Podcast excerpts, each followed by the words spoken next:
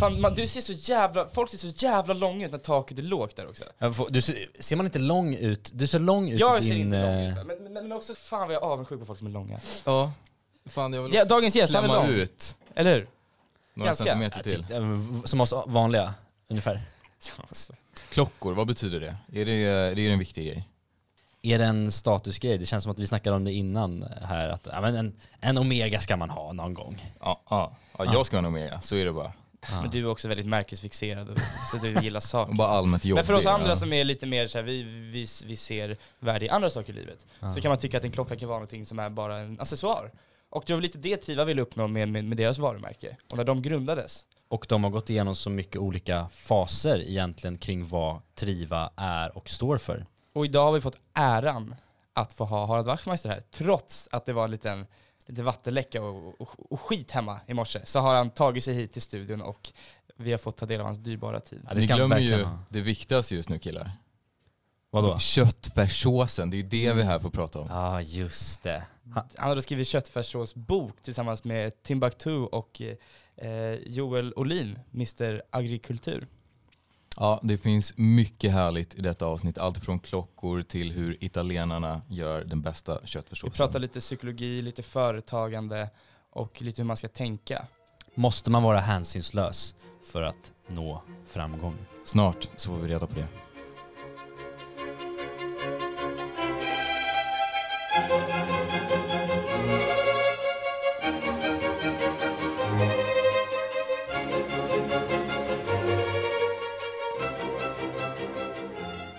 Du sa att det var, det var lång, lång tid sedan. Eh, men det är ändå en stor del av, av ditt liv. Eh, sen jag startade Triva menar du? Ja, exakt. Ja, men det, det, ehm, det måste väl ändå ha präglat. Eh, Absolut. Nej men, nej men visst, visst är det så. så. eh, Tillsammans med tre vänner så startade jag det här klock, klockvarumärket som heter Triva. Står för Transforming the Industry of Watches. Eh, och det var i, det här låter så jävla länge sedan, men det var i april 2007. mm. Ehm, så att det blir ju faktiskt 15 år sedan Mm. snart. Anniversary. Men kän, ja, känns, jag det vet, vi hade ett stort, jättestort 10-årsjubileum. Jag vet inte om Nej, men det kommer lika stort 15-årsjubileum. dig? Känns det för, alltså det känns som att du tycker det är lång tid tillbaka? Alltså, det Ja, ändå- det känns, eh, det känns länge. Ja. Absolut. Men har, Sen du, så har så här 15 år gått snabbt, men, men Ja. ja. det låter ju länge, det måste ni väl ändå erkänna. men har du några saker du sätter i paritet mot för att se liksom hur lång tid det gått? Du sa att du har fyra döttrar till exempel. Har du någon som är Ja. ungefär den åldern så ser du, för varje år din dotter växer, så här, fan nu har jag också blivit ett år äldre. Triva. Ja, nej men exakt. Alltså, när jag startade hade jag inga, hade Nej, inga okej, barn. ja. Ja, så att det har hänt eh, såklart mycket på den tiden. Och du frågar om, du, om det har präglat mig, det är klart det har gjort det. Man blir liksom, ja, driver man en sak och jobbar med en grej under en lång tid i upp och nedgångar så blir det ju en del av ens identitet. Liksom. Hur kom idén att börja med just klockor? Ehm, precis. Om vi backar bak då 15 år så eh, jag jobbade för ett eh, filmproduktionsföretag som heter Chimneypot där jag var vd-assistent. Och eh, tyckte väl att det var spännande men, men sökte efter någonting annat. Och vi, eh, eh, jag och en eh, kompis, Ludvig Scheja, eh, Eh, kom över en, en klocka helt enkelt från Italien som var gjord i plast. En, en kopia av Rolex gjord i plast. Eh, och vi bara sa, den här produkten känns väldigt ehm, eh, ja, intressant och eh, vi fick någon form av så här ha-begär väldigt snabbt. Så vi sa men låt oss titta på vad det är för någonting och om vi kan göra någonting liknande och introducera på svenska marknaden. Eh, så vi tittade igenom, gjorde liksom en analys av svensk klockhandel och insåg att det var enormt gammaldags. Liksom. Eh, Det fanns 210 stjärnemakarbutiker i, i Sverige då där butikerna i sig hade så här bastupanel och sålde gökur och det var en urmakare bakom disken. Liksom. Mm. Och det kändes supergammaldags. Så att, eh, vi sa vi drar igång ett klockmärke men vi skippar hela fack, eh, eh, klockhandeln. Liksom. Eh, så vi drar igång det här och säljer till modebutiker, bygger varumärke och eh, kallar varumärket för Triva, Transforming the Industry of Watches. Var ni Swatch-intresserade av någonting? Ja, jag Ja. tänkte också på det. Ja, absolut. Och vet ni vad Swatch står för? Nej, inte Någon namnet. Oh, det, det har man vetat. Eh, Du får gärna berätta. Second watch. Så Mm. att hela idén Ah. med Swatch är att så här, det är inte din primära klocka utan det är någonting som du kan ha istället för din Ja. Vardags... Din riktiga Ja, klocka. det är riktiga klockan, precis. Ehm, Swatch, absolut. Nej, jag kommer ihåg när den kom, min äldre bror hade samlade på Swatch. Och, Mm. och det var en stor grej då, liksom verkligen eh, reformerade klockbranschen eh, när det kom på 80-talet. Men hade ni någon businessbakgrund? Så här, ni hittade klockan, ni kände det här är spännande, det är en produkt vi vill hålla Ja, men på vi med. formade ett team kan man säga. Ludvig hade, eller jobbade med eh, PR och marknadsföring. Eh, min bror jobbade med produktion i Asien ehm, och kunde det och, och var liksom, jobbade med logistik och supply chain. En gammal kompis Tobias Eriksson jobbade liksom med försäljning. Eh, och jag hade idén och, och ville dra igång. Liksom. Så att vi samlade oss fyra och så, så började vi, åkte vi till, eh, till Hongkong, träffade producenter. Vi började rita våra produkter som vi ville ta fram, registrera varumärken, gjorde allting från början. Liksom. Det var väldigt mycket så här garagedrivet. Eh, drog igång direkt en e-handel. Vår ursprungsidé var att, att eh, e-handelns eh, liksom, intäkter skulle täcka alla kostnader helt enkelt. Och innan ni satte igång den här satsningen då, hade ni pitchat in det här till de här modehusen och så, så ni visste att det här efterfrågas? Eller körde ni bara Nej, och så vi, ni nej, men vi, nej, vi började så här sälja till våra kompisar. Eh, och så märkte vi att de tyckte att det här var en, en, en fet grej. Liksom. Mm. och, eh, och sen spreds det väldigt så organiskt. Och sen gick vi till några modebutiker, vi gick till liksom NK, vi gick till några, några butiker som vi tyckte var coola i, i Stockholm. Och sa, är ni intresserade av att sälja de här produkterna? Och eh, ja, men vi lyckades backa in dörren på något sätt. Liksom. Samtidigt så började vi väldigt tidigt med eh, dåtidens liksom influencers som precis hade börjat, som det kallas för bloggare då tror jag. Som var så här Kinsa, Blondin, Bella, eventuellt. Eh, Sofie Farman, någon annan liksom. Eh, och drog igång det tidigt så vi fick rätt snabbt en, en liksom skjuts med vår e-handel. Vi hade också en idé att vi skulle jobba med så här korta serier och försöka skapa eh, liksom nyhetsvärde kring varje produktsläpp. Eh, så att alla klockor var limiterade kan man säga. Så vi tryckte ut massa olika färger, vi gjorde ehm, olika koncept, olika samarbeten. Vi, eh, vi, var, vi, var, vi var rätt duktiga på att skapa brus. Liksom.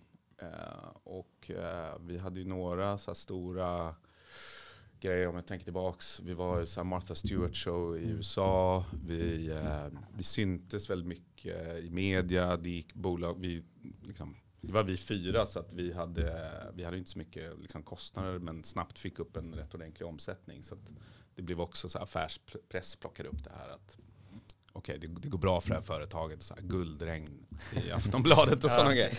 Ja, och sen så var, och sen så då eh, var det väl finanskris liksom. Så att så här, offentliga personer, jag vet så här, SE-bankens vd då, Annika Falkengren, etc. etc. Kunde, man kunde liksom inte ha en fin klocka, det ansågs inte rätt. Så att Ah, det, vi right. blev någon form av så här substitut till att gå runt med en Audemars Ni blev Piguet eh, Rolex. eh, Swatch. Ja, vi blev en Swatch liksom. En, en Ja. F-watch, first watch då kanske, Mm. på den tiden. Ja, till exempel. Men, men hur, hur designar man liksom en, en, en klocka? Det känns som att det, när du säger det så är det så, ja men vi, vi åkte till Hongkong och så fick vi fram lite klockor. Hur fan får man fram en liksom, klockdesign? För det är ni som designar klockorna liksom. Ja, men i början var det så. Mm. Ehm, men i början var det ju rätt enkelt. Så här, vi valde mellan olika existerande um, vad säger man, cases, alltså um, boetter. Och så satte vi ihop det med armband och sen så designade vi egen urtavla och sen så gjordes det molds. Ehm, och så testade vi oss fram liksom. Sen väldigt, efter ett tag så insåg vi att det här håller inte, vi måste anställa en industridesigner. Vi började bygga en ordentlig organisation och sen så växte vi därifrån. Liksom. Så i början var det mer så här, vi skapar det vi själva skulle kunna bära och vill ha. Ja, Lite. och typ rita på en servett. Liksom. Ja. Men, ja, men, men hur, hur väljer man producent i Hongkong? Det känns som att det, det kanske var ett annat klimat då, men det känns som att det finns så mycket. ja, Det kanske var din Det- kompis som, som hade Asien ja, min bror som, alltså det var också trial and error. Liksom. Det var så här, Mm. börja med, jag säger inte att vi gjorde rätt, jag kan bara berätta vad vi gjorde. Och vi, vi började med så här Alibaba, liksom. Mm. tillverka Ja, klocka. Ja, där har man, eller där har man varit. Och så kom jag hitta en kille som heter Jimmy. Han, eh, Jimmy på All, Alibaba alltid ett amerikanskt Jag tror att han var från Pakistan, han sålde kran, alltså lyftkranar och klockor. Liksom. Så bara, okej vad bra. Åkte dit. åkte till Hongkong, åkte över gränsen till Kina, hängde med Jimmy några dagar. Eh, han var rätt shady faktiskt. Eh, var ute och så, var på fabriker, försöka lära oss här, hur gör man det här liksom. Vi hade med oss en klocka som från någon konkurrent så här, som vi lämnar in till någon fabrik. Så här, kan ni göra något liknande? Så tog han den och la den, liksom, började koka den i någon form av tekokare för att den skulle så här, lösas upp så han kunde ta bort allt lim. Ja, men det var liksom väldigt, Okej. väldigt hands-on i början. Säga. Då var ni i laboratoriet. Liksom. Ja, och Jimmy var ju inte så här pålitlig. Eh, Framförallt var produkterna helt dåliga. Jag tror vi hade Ja. 20% reklamation. Han är Sen inte produktchef nu liksom. Nej, nej, nej, nej. Men efter något, en rätt kort tid så hittade vi en, en bättre producent. En, en, en kille från Italien som vi fick tips av någon annan inom klockbranschen och som vi jobbar med fortfarande. Mm. Ehm, Så att vi har jobbat med samma huvudproducent under väldigt lång tid faktiskt. Men, men ni var väl, måste man ändå säga, i samma veva så kom väl Daniel Wellington upp också va? Ja, det var lite senare. Eh, om jag liksom försöker, så här, vi hade ju en väldigt så här, stor tillväxt. Vår tillväxtresa var från 2007 upp till 2010.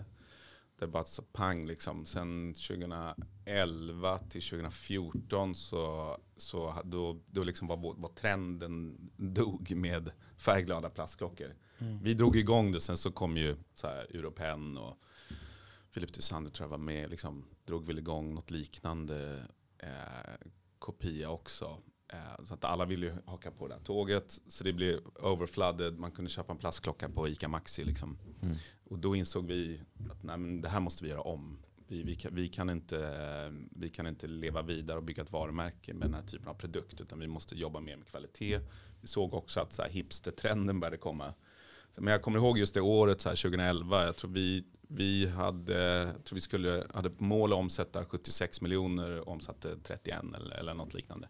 Och hade ett, säkert så här 30 000 klockor på lager som vi inte trodde att vi kunde sälja.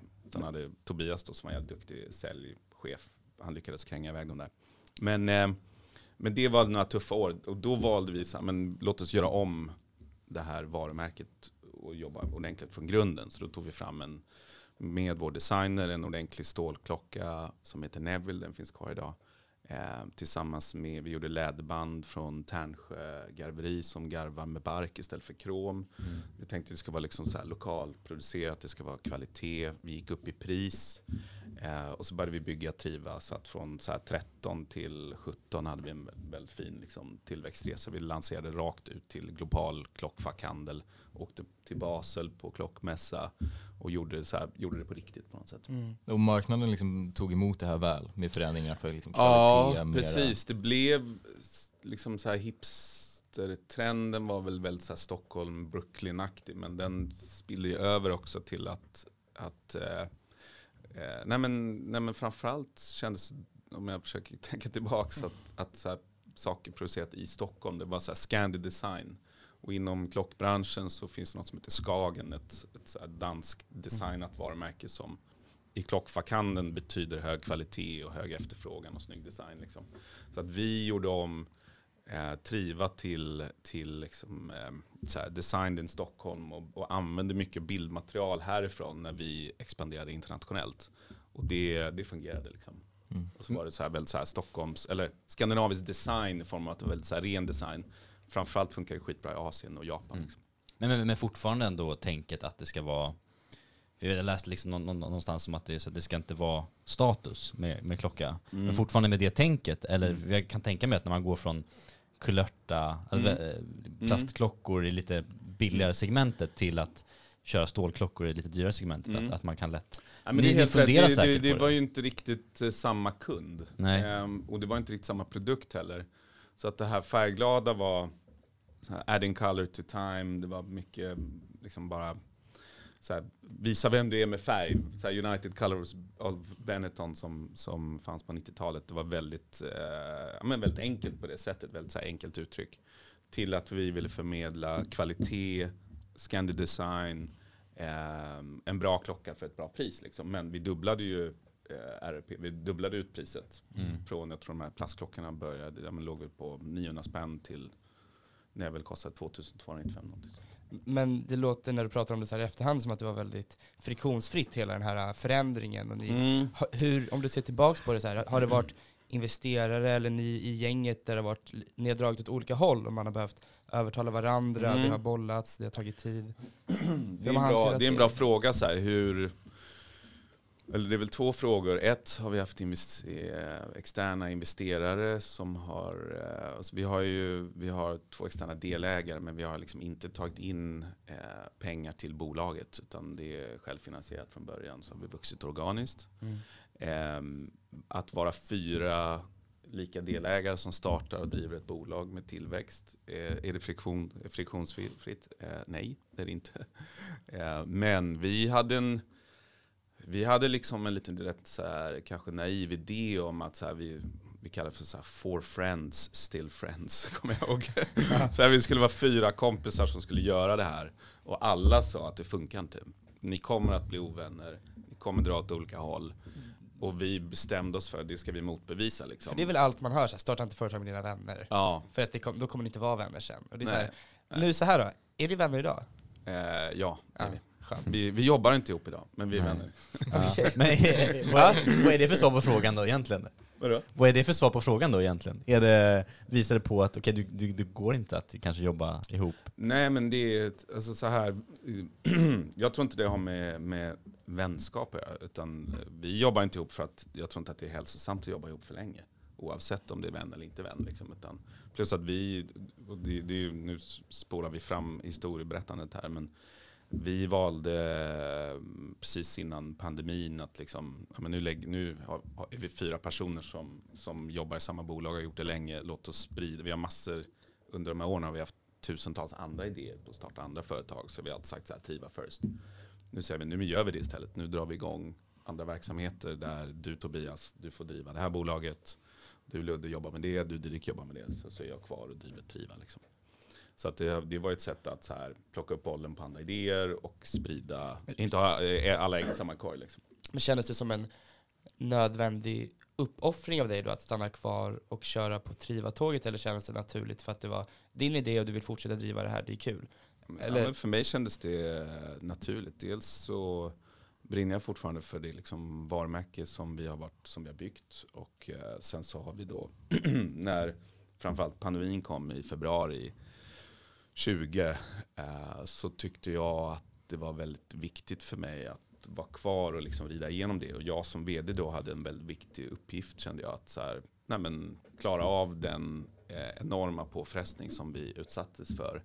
Plus att jag tyckte att det var jävligt kul. Liksom, det var, då, då var det väldigt intressant att, att jobba. Jag tror att jag insåg att jag är eh, kanske som bäst när det är kris. Liksom.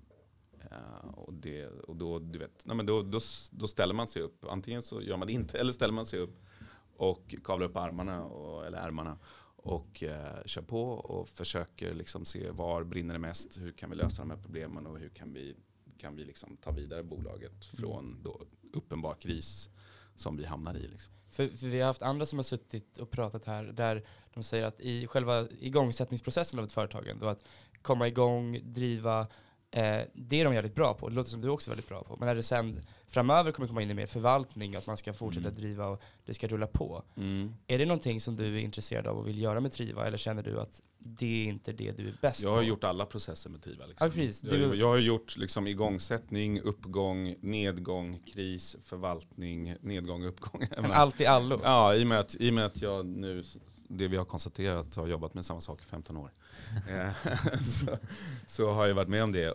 Och sen din fråga då var, eh, var är jag bäst? Nej, men nej, förvaltning är är jag, så här, jag tror inte att det är det som jag tycker är roligast. Liksom. Men det är ju viktigt också. Förvaltning låter så tråkigt Det låter ju tråkigt. Och alla säger att det är inte det jag är bäst på. Ja, men det låter får det tråkigt en tråkig klang. Ja, du får en tråkig klang. Det är ändå så- bring back the förvaltning, jag vet inte. Ja, ändå- sen är det så här, vad är förvalt ett bolag?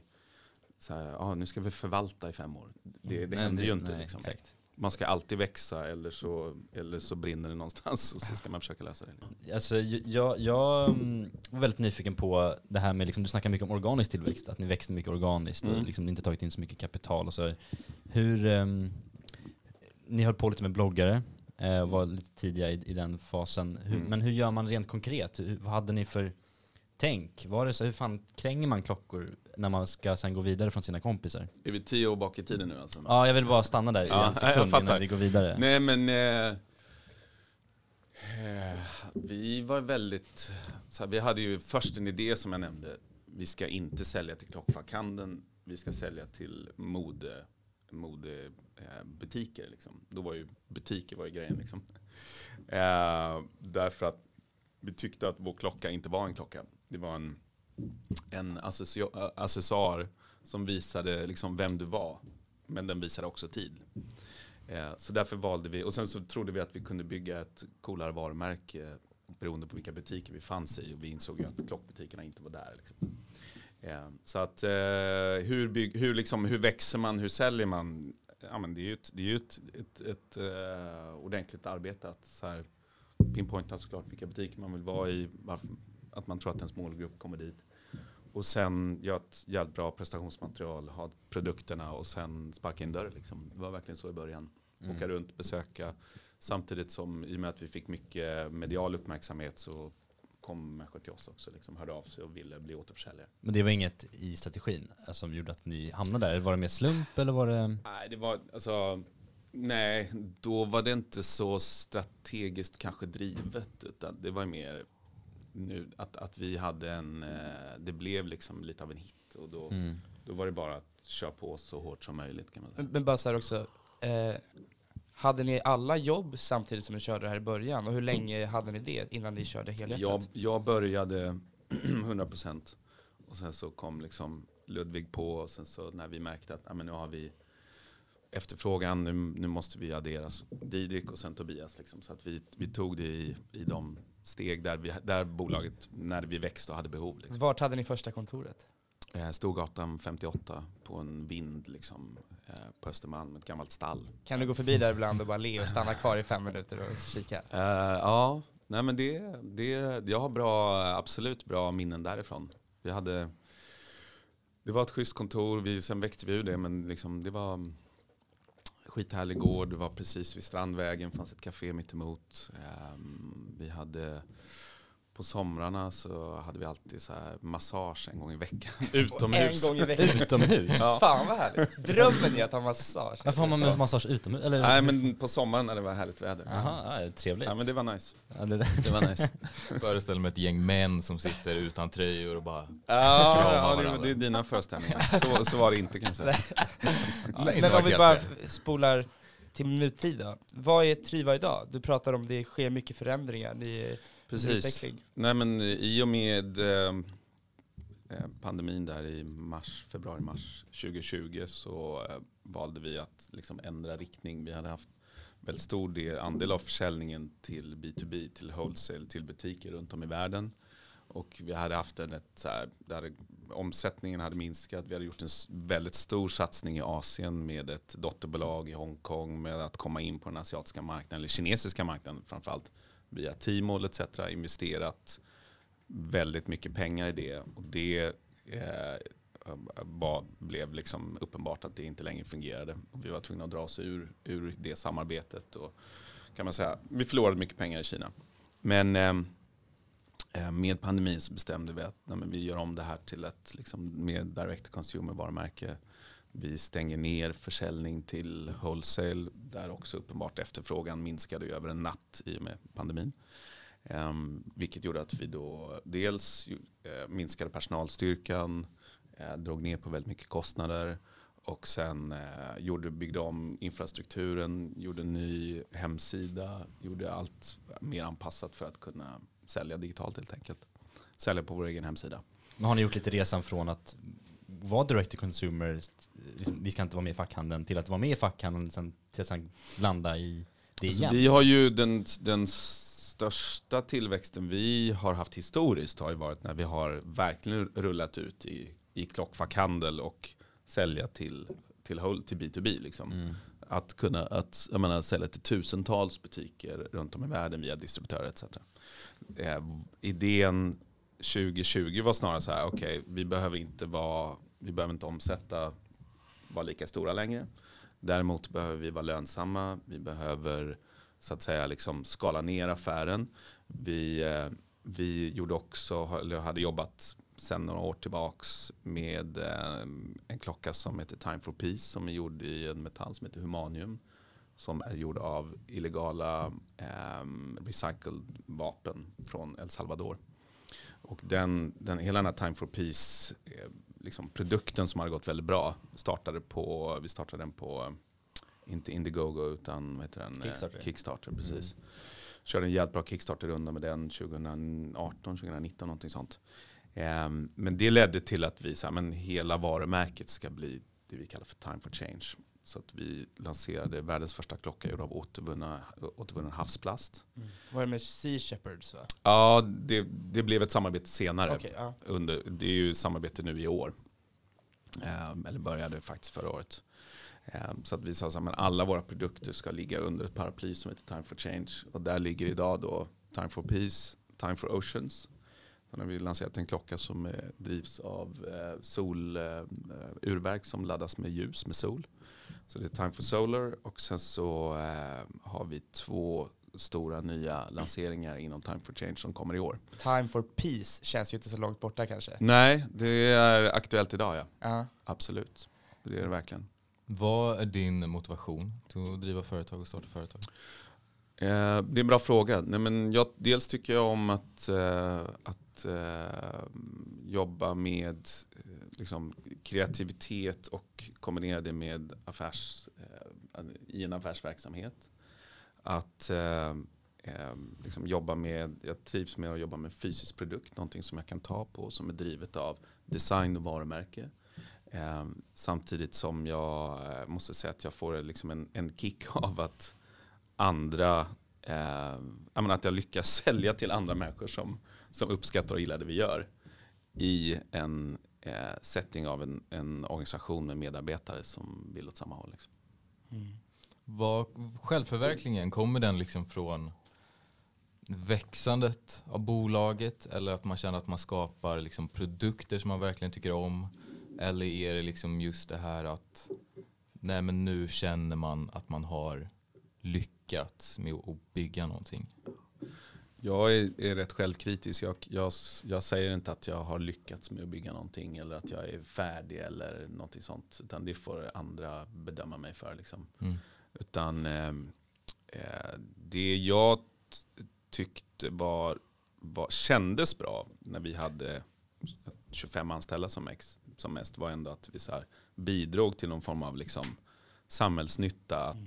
att det vi hade skapat gjorde att vi kunde anställa andra som jobbade tillsammans med oss som i sin tur liksom, kunde betala sin hyra, kunde leva sitt liv. Liksom. Att det, det kommer jag ihåg som en bra känsla i magen. Liksom, att vi hade byggt en, eh, en familj där alla faktiskt levde av det vi hade hittat på. Mm. Är det svar på din fråga? Mm, det tycker jag. Mm.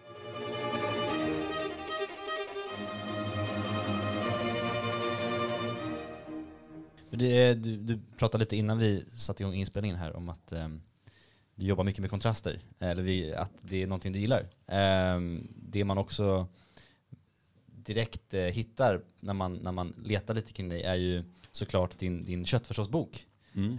ja. med uh, Jason Diakité, a.k.a. Timbuktu och Joel Olin.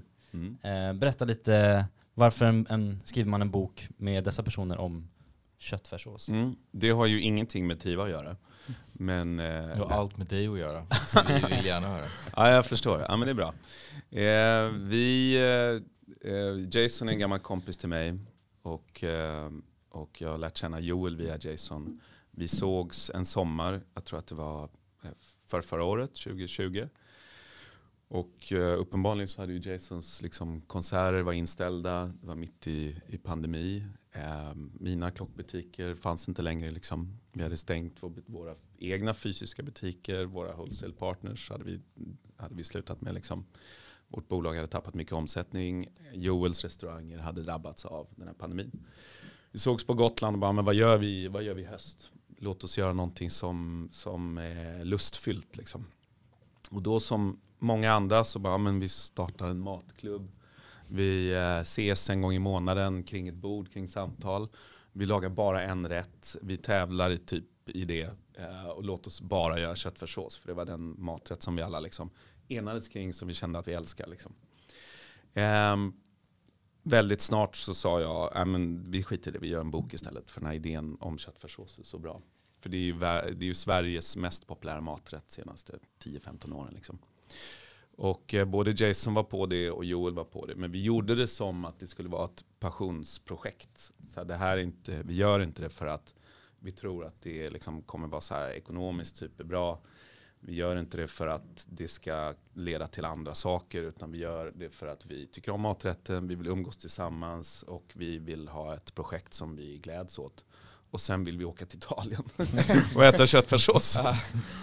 um, så att det var så det började. Liksom. Eh, jag, jag har upplevt en, en, det kanske är pretentiöst att kalla det dissonans inom eh, hur vi lagar köttfärssås.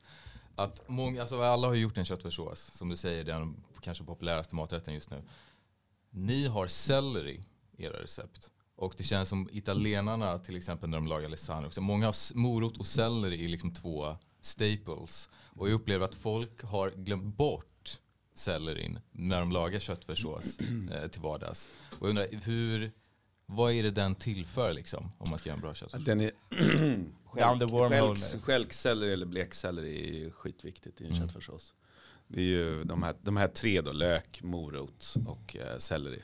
Lika delar hackad som är basen i väldigt mycket italiensk mat i grytor, i, i eh, pastarätter. Men eh, det, vad, vad tillför selleri?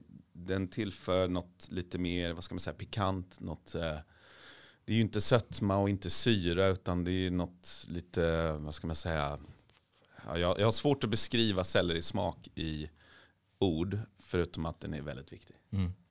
Så det är, man ska ha i den helt enkelt? Man ska absolut ha i den. Och du har helt rätt att den har liksom försvunnit från eh, svensk köttfärssås. Men det, det jag tycker har försvunnit lite är, är det här att ehm, min pappa gjorde alltid ehm, med en liten skvätt mjölk i. Mm. Eh, och vilket många kan kanske novis tänka att va, det, här, det här är väl eh, väldigt svenskt. Mm. Men att det i själva verket är ganska italienskt. Mm.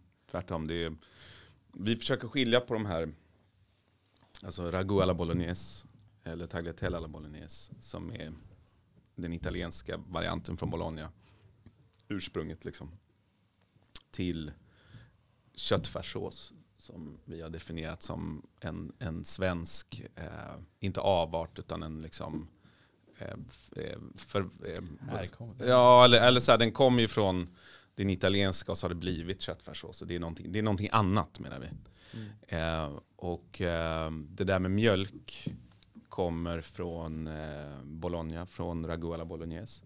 Men det är också kontroversiellt i Bologna att ha mjölk i. Liksom. Det är som att så här, staden, eller Emilia Romagna som området heter, eh, runt Bologna, är uppdelat i de som har mjölk och inte mjölk. Liksom. Men det är inte som grädde i liksom eh, Carbonara. carbonara. Nej, det är inte så Ja, men kontroversiellt. det, det får man inte ha. Liksom. Nej, nej. Man får absolut inte ha grädde carbonara. Men, nej. och det finns ju inte en italienare som, som ens har tänkt den tanken. Men, men det finns italienare som har en skvätt mjölk. Har du en skvätt mjölk i? Oftast.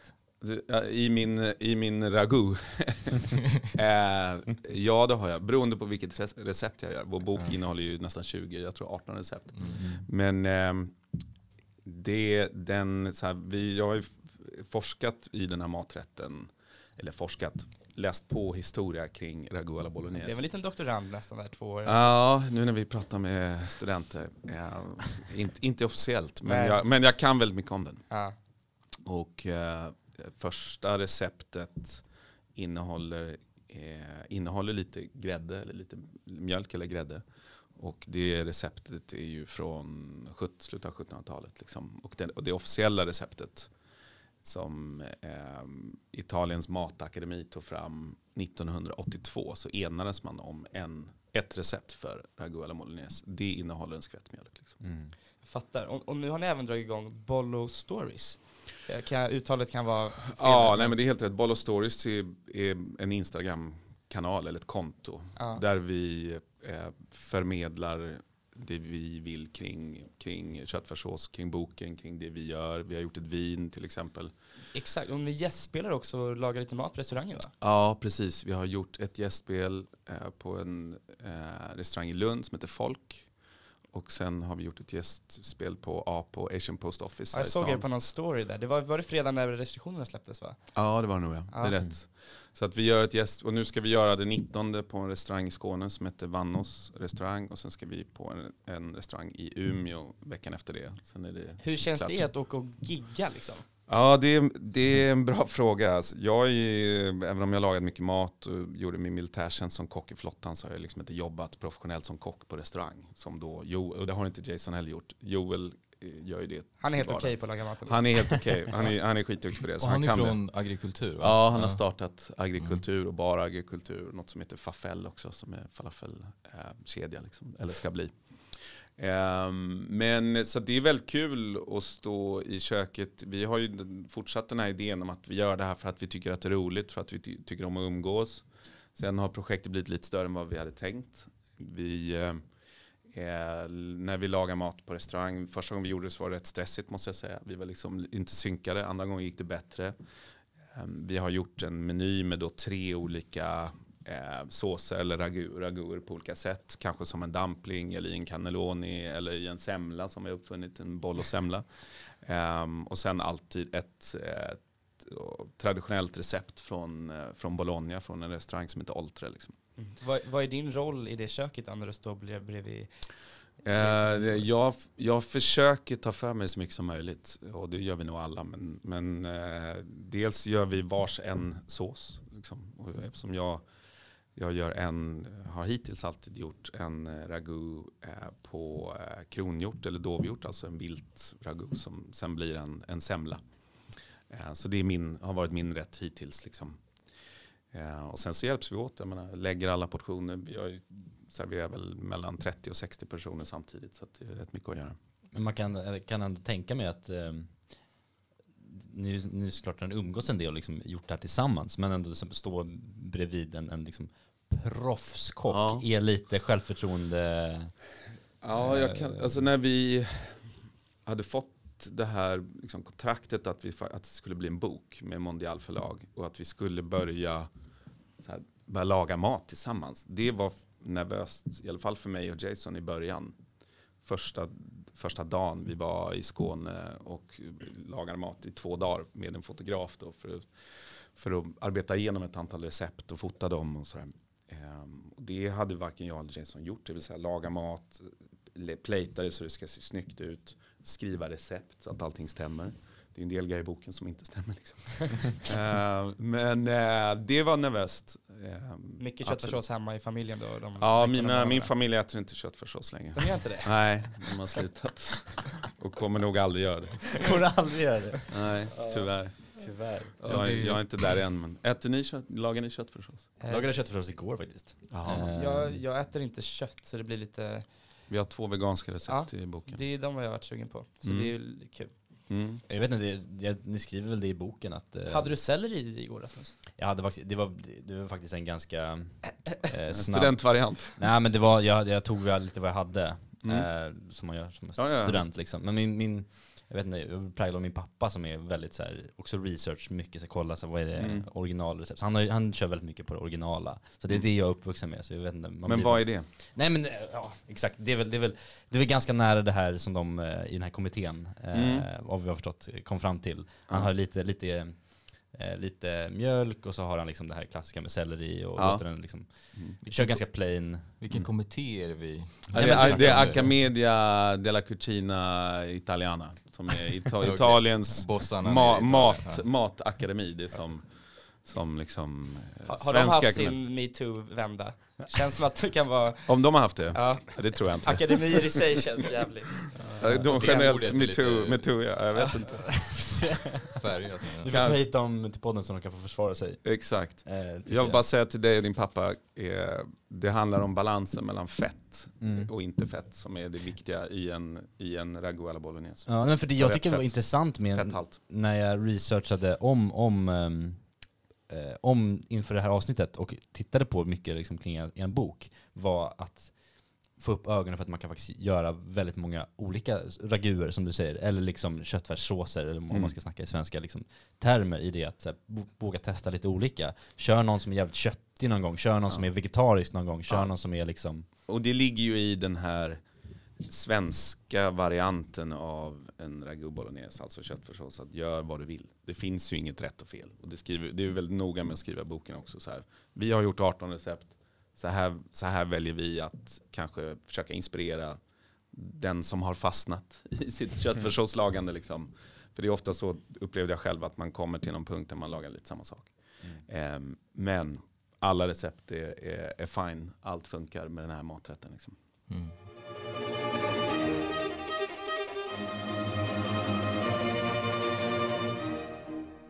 Jag undrar lite, ehm, för att gå från det ena till det andra, ehm, framöver, på tal om kontraster och på tal om att eh, jobba med liksom klockor, jobba med NFTs, jobba med köttfärssås. Ehm, vad finns i pipen framöver och vad har du liksom tankar kring vad, det känns som att du vill göra mycket. Mm. Och spretigt Ja. kan ju vara ett tecken på att man har många bra idéer. Ja, men det är sant.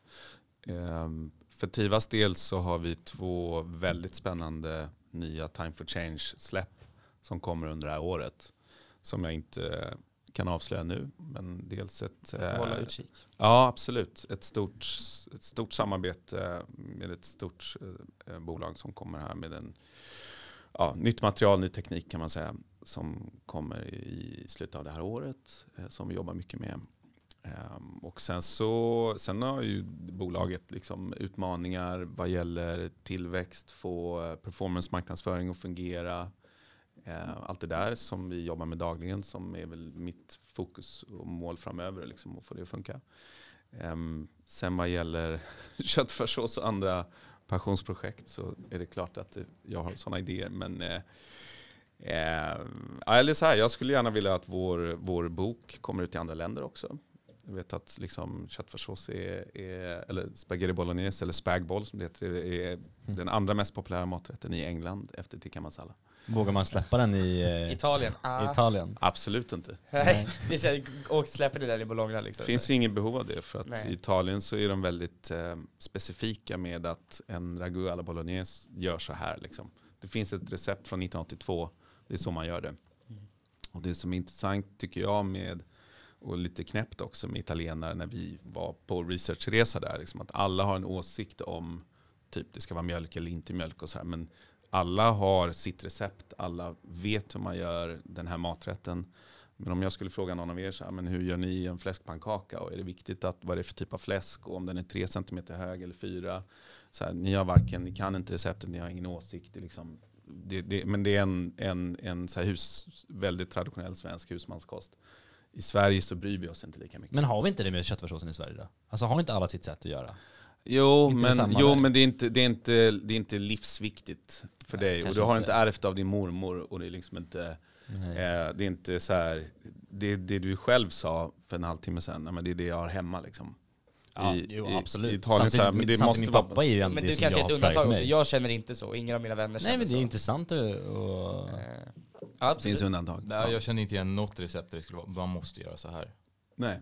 I liksom vår husmanskost. Alltså, många kör väl liknande men det fin- finns ju alltid rum för att freestyla. Absolut. Och det uppmuntras också i många sammanhang. Det jag vill säga är att vi har en annat sätt att se på matkultur Mm. än vad jag upplevde att man har i Italien. Man verkligen. försöker värna om det här är så det ska vara för det är så här det har varit och det är därför det smakar gott. Liksom. Nej, för jag tänkte, jag tänkte genast på um, semlan nu när det är dessa, dessa tider. Och det, men det, det, du har ju helt rätt i det, att det är ju även semlan som är väldigt så här, traditionell på ett sätt, i liksom att vi alltid äter det liksom traditionsenligt. Även den har ju blivit väldigt eh, Mm. freestylad med på senare Exakt, tid. Liksom. Nej, men det har ju blivit en sport i att göra Ja. den på olika, som en taco eller Exakt. Det hade Det är ju semmelboll boll och semlan. Ja, exakt. Det, gör vi. Det, är ju en, det är ju inte en söt rätt kan man Nej, säga. det är ändå, det är en efterrätt. jag men menar, det ingen god. i Italien hade ju kallat det liksom semla kanske. Nej, liksom. vi hade på, när vi gjorde ett gästspel på, eh, på Apo så, så var en italienare där. Okej. Eh, som eh, tyckte den var fantastisk. Det betyder mer än en italiensk. Deconstructed lasagne liksom. Tog du åt det lite extra? Ja, det var kul. Ja. Ja. Men en, en annan bara så här, stannar vid en liten fotnot om man läser på lite om det. Du graffar en del också. Hur hittade du det? Finns på din Instagram. Ja, det är överallt. Gör det? Ja. Okej. Har, det är väl ändå oväntat i din personprofil rent utåt sett? Eller? Känns det inte som att average killen på Östermalm graffar liksom? Ja, jag är inte från, eller jag bor på Nej, jag Östermalm. jag är, men- men, men, ja, det är nog, eh, med tanke på min, min vad ska man säga, bakgrund så är det, kan det vara oväntat ja. Men eh, ja, det, jag lägger inte så mycket vikt vid det liksom. Det är Men- kul snarare att man går emot Ja, någonting. men eh, jag, menar, jag är uppvuxen på 90-talet och eh, har alltid tyckt om att måla och rita och sådär. Och hittade graffiti när jag var 12-13 år. Och höll på med det tills, eh, ja, tills jag var 18-19 något sånt. Och det var en väldigt stor del av mitt, eh, eh, vad ska man säga, Nej, men av, av det jag tänkt och utövade varje dag liksom. Och någonting som jag tyckte var väldigt spännande att göra och eh, uttryckte mig igenom. Och sen så en dag så sa det bara stopp och så, så slutade jag med det. Sen när jag fyllde 35 så fick jag några sprayburkar av en kompis. Och då eh, började jag med det igen. Väcktes barnet till liv. Ja, kan man säga. Mm. Men väldigt vid sidan om. Men du hänger inte på tunnelbanan på nätterna nu liksom? och- Tyvärr. Nej, Eller? Tyvärr. ja, det kan man inte. Nej, vad är det- det gör jag inte alls. Det Nej. Jag, inte alls. jag är inte särskilt aktiv. Men, men också när man blir lite äldre så vill man gå tillbaks. Ja, men jag fattar det. Ja, Men vad är det man får ut av att måla med graffiti som man inte kan få ut av att stå med staffli liksom? Eller gör du det också kanske? Nej men graffiti är lite mer in your face, det är mer så här håll käften. Det är eh, stort, det går snabbt, du kan färglägga stora ytor på väldigt kort tid. Eh, det är jävligt mycket coolare än att, än att måla kroki, även om det kan vara roligt också. Mm. Så är, är det, det, det, det finns ju någonting i kulturen och hur man uttrycker sig med en, en sprayburk som, eh, som jag tycker är både, det både roligt att utöva och som jag tycker ser helt tufft ut. Är du med eller? jag är med. Jag är med. Ja, Ja, jag ja, kul. ehm, vill bara återkoppla också till, eh, ni var ju med med eran köttfärssås-team i Musikhjälpen också och drog in Mm. ganska mycket pengar. Mm. Ehm, 46 000. Mm. Det är ändå... Var det bra? Det är bra, måste man ändå säga. Alltså, ni lagar lite käk liksom och folk vill ändå Mm. betala 46 000 för det. Mm. Precis. Ja, men det, a, a, varenda krona är väl egentligen på Mm. pluskontot. Ja, ja absolut. Ehm, Visst är det. Och sen, jag, vet inte, jag tittar mycket på Musikhjälpen och tycker det är ett Mm, fint, det är bra. fint projekt. Ja, jag håller Ehm, med. om. Bra stämning i Musikhjälpen. Håller med. Ehm, men det känns som att det genomsyrar mycket det, det du gör liksom, och det ni håller på med, liksom time for change, Mm. eh, att det är liksom viktigt med liksom vad man ska ha för Mm. statement. Eh, är det någonting som bara, bara kommer naturligt? Eller är det liksom... Mm. eh, Inte, det k- finns i mig, kommer naturligt, inte strategiskt. nej, nej, exakt. Men det, så. det kan ju vara mycket eller liksom tankar bakom kring så här, okej, vad är jag här för? Eller vad ska ja, vi jag göra? tror bara liksom? generellt sett att jag är rätt empatisk. Om jag nu ska säga någonting om mig själv. Eller nej, det kan fel uttryckt, empatisk. Men, men ehm, Ha tankar Eh, Ja, tro utanför på, dig själv, tror liksom. på liksom att, att eh, visar att man också ska, om man är förfördelad så ska man hjälpa andra eller bidra till att världen blir lite bättre. Liksom. Det känns som att det genomsyrar väldigt många duktiga människor, att man också har det här att man liksom vill ge tillbaka. Alltså det är klart att det kanske Det beror ju på hur du definierar vad duktig är. Liksom. Alltså Jo, fram, framgång är ju en sak som, Det kanske, som det finns eh, så här, man måste vara hänsynslös för att bli riktigt framgångsrik. Det finns ju en sån mm. tes också. eller? har, du, har du tänkt någonstans i de termerna? Liksom, att okej, fan, jag måste vara lite Ja, jag, för ja det har jag gjort. Jag tänkte att, eh, att eh, om man så här vill, vill tjäna väldigt mycket pengar eller lyckas på det sättet så, så kan man säkert gynnas av att, av att vara väldigt så här målinriktad, hålla sig till en sak och driva igenom det no matter what. Liksom. Gå över lik. Liksom. Men det som gör att man inte... för jag, tror att det är en tanke som slår väldigt många. Alltså så här, lite Steve Jobs-grejen. Men, det, men det är väl något som finns i en i så fall. Liksom. Alltså jag tror inte det är något som man framkallar. nej. Alltså, Steve Jobs kanske bara var sån. Ja, bara, ja, bara ja, det är, ja, det är väl klart. Ja. Han var. Mm. Eh, och, eh, Ja, eller hur menar du? Han, Nej men det, det jag tänker på, för jag jag har också tänkt, man, man tänker också på dem, liksom, de, i de tankarna att okej, Om man måste vara mer hänsynslös. ja, men så här, ska man bli liksom, ja, men ska man, han är upp, det är ingen som kan snacka om att han, om vi bara tar det exemplet med Steve Jobs, att han gjorde ju fantastiska saker Mm. med Apple och allt det han höll på med. Ehm, och då funderar man ju, okej måste jag, måste man bli lite mer hänsynslös för Men- att kunna ta sig fram? Men- Men, men, det, det är bara för, för att avsluta Mm. min, min tes så, Mm. så undrar jag också så här, har man, är man bara sån eller har man liksom ett val att välja vilken man, man vill vara? Eh, så kan man ju också känna att jag har ju ändå valet att det är klart att det är Ja, alltså, dels måste man ju utgå från tror jag, vem man är som person. Det är ju svårt att ändra. Sen Mm. kan man ju göra, göra val. Och jag menar i Steve Jobs, när jag har läst, det finns väl massor biografier, men, men så här, liksom, det som slår mig med Steve Jobs är att han var väldigt committed. Eller han var väldigt så här, okej det här, han hade en tydlig idé och drev igenom det 100%. Och det är ju bara hatten av. Liksom. Alltså, har man en sån stor tro på någonting och på sin egen idéförmåga eh, som, som jag upplever att han hade, då är det bara att köra liksom. Mm. Då har han också lyckats förändra världen på ett sätt, i alla fall med, med de här produkterna som vi använder varje dag. Mm. Nej, men jag kan också känna att eh, det är ändå frågan om hur, hur mycket man kan ändra sin person. Lite. Alltså så här, Mm. du säger att man inte Du, kan. nu är du inne på psykologi. Liksom. Ja, men Hur mycket ändå- kan man ändra sin person? Det är ändå Men, intressanta men det jag tänker med som är invändning där bara är att man kan säkert skapa ganska mycket kollektiv nytta om man då är hänsynslös och, och vild och slår sig fram. Men vill man inte hellre skapa nytta för dem i ens närhet? Och är det de som då, den nyttan som blir på bekostnad för att du ska slå dig fram och vara hänsynslös, är det då värt det? Ja, alltså, frå- frågan är om det blir värt det är ju liksom så här, oftast så kanske... Jag, menar, så här, jag blir framgångsrik och skrivs om i historieböckerna, men till vilket pris? Mm. Ja, och det har ju ett pris såklart. Eh, alltså, all, ja, all framgång har väl ett pris. Oavsett om Ja, för Ja, du, det. genom att ta Alltså, en väg så Ja, väljer men du det, alltid det, gör, det annan. betyder ju att du hänger dig åt någonting vilket gör att du behöver göra avkall på någonting annat. Mm. Och det är väl det som är priset. Nej, Men för jag tycker ändå det, det här med vilken, alltså hur man kan ändra sin person eller sitt liv är en väldigt intressant fråga. Liksom när man snackar om alltså, entreprenörskap eller liksom idéer eller projekt eller vad man vill göra med sin karriär. Att Mm. det är lätt att det går åt båda hållen. Antingen så är man liksom, nej det går inte att ändra, du är den här, försök hitta dig själv. Men också så är det så här, jag, jag kan inte det här just nu, men jag skulle gärna vilja. Mm. Och att man faktiskt kan ta steg i den riktningen. Mm. Eh, Det är, det är någon slags så här, ehm, duo... ehm, Ja, men alltså, vi pratade lite om det innan där i köket. Så här, vad, där jag frågar er, jag är ungefär exakt dubbelt så gammal som vad ni är.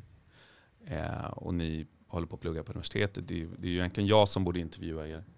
Eh, för att ni som ska kanske bygga bolag eller som vet också hur samtiden eh, fungerar mer än vad jag vet. Men ehm, ehm, så här, vad har ni för, vad, liksom, vad, vad brinner ni för och vad ser ni i, i vad gör ni om fem år? Liksom? Har ni, är det någon av er som vet det?